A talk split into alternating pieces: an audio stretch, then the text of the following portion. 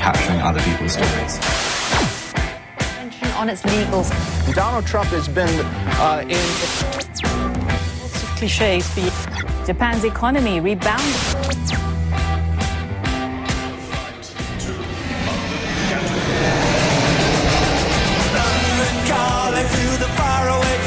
John Carlin, bon dia.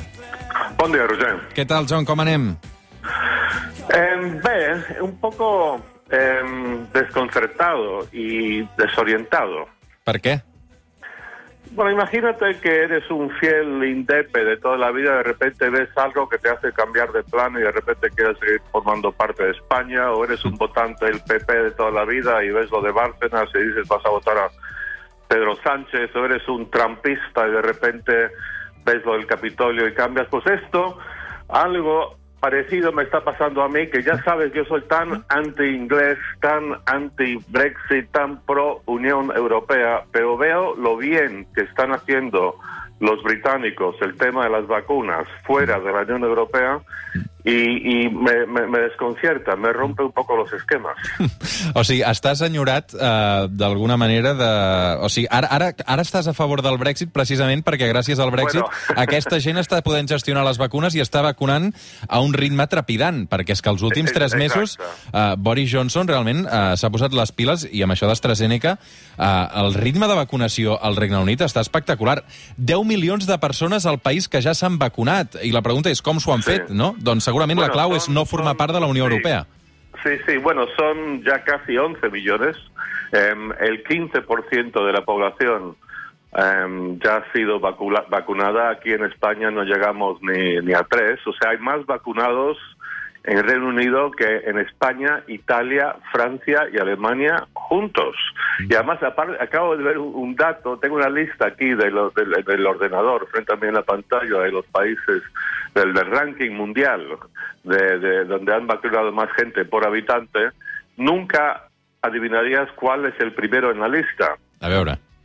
Un país, eh, no, un país, bueno, un lugar por el que yo sé que tú sientes una cierta estima, Gibraltar. Ah, carai. Gibraltar, caray, exacto. Ya han vacunado al 40% de la población. Te puedo asegurar que en la línea, ahí al lado, no han llegado a, a lo mismo.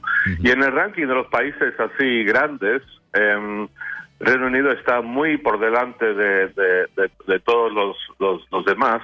Te, te voy a contar un par de, de- de- de anécdotas em, personales. Tengo una amiga eh, que acaba de cumplir 60 años hace dos semanas y esta misma semana ahora ya tiene fecha, cita para, para la vacuna.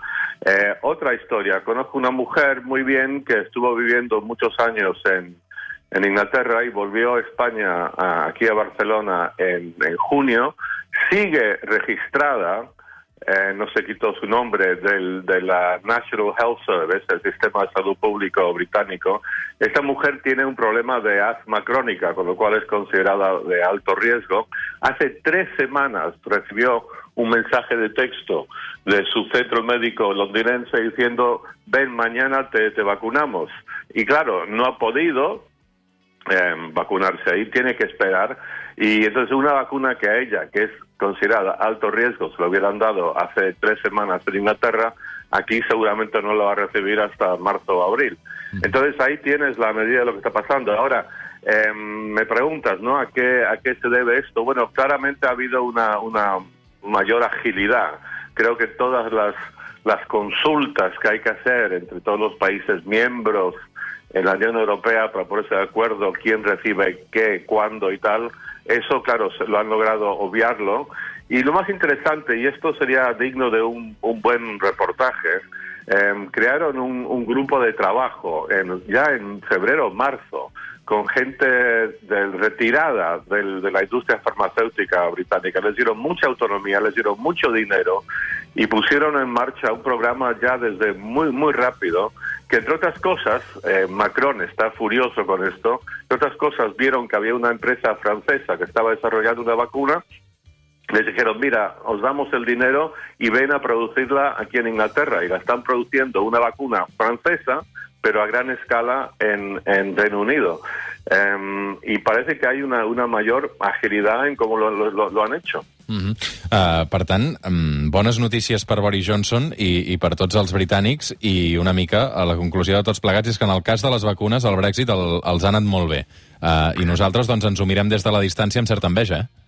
Sí, exacto. Mira, por otro lado, por otro lado, Roger, eh, el Reino Unido tiene un, un índice de, de, de muertos eh, por habitante y de contagiados que creo que, que también ahí va el número uno en el mundo y están mucho más confinados que, que nosotros. Ayer hablaba con una amiga en Londres y los bares y restaurantes han estado cerrados hace ya meses.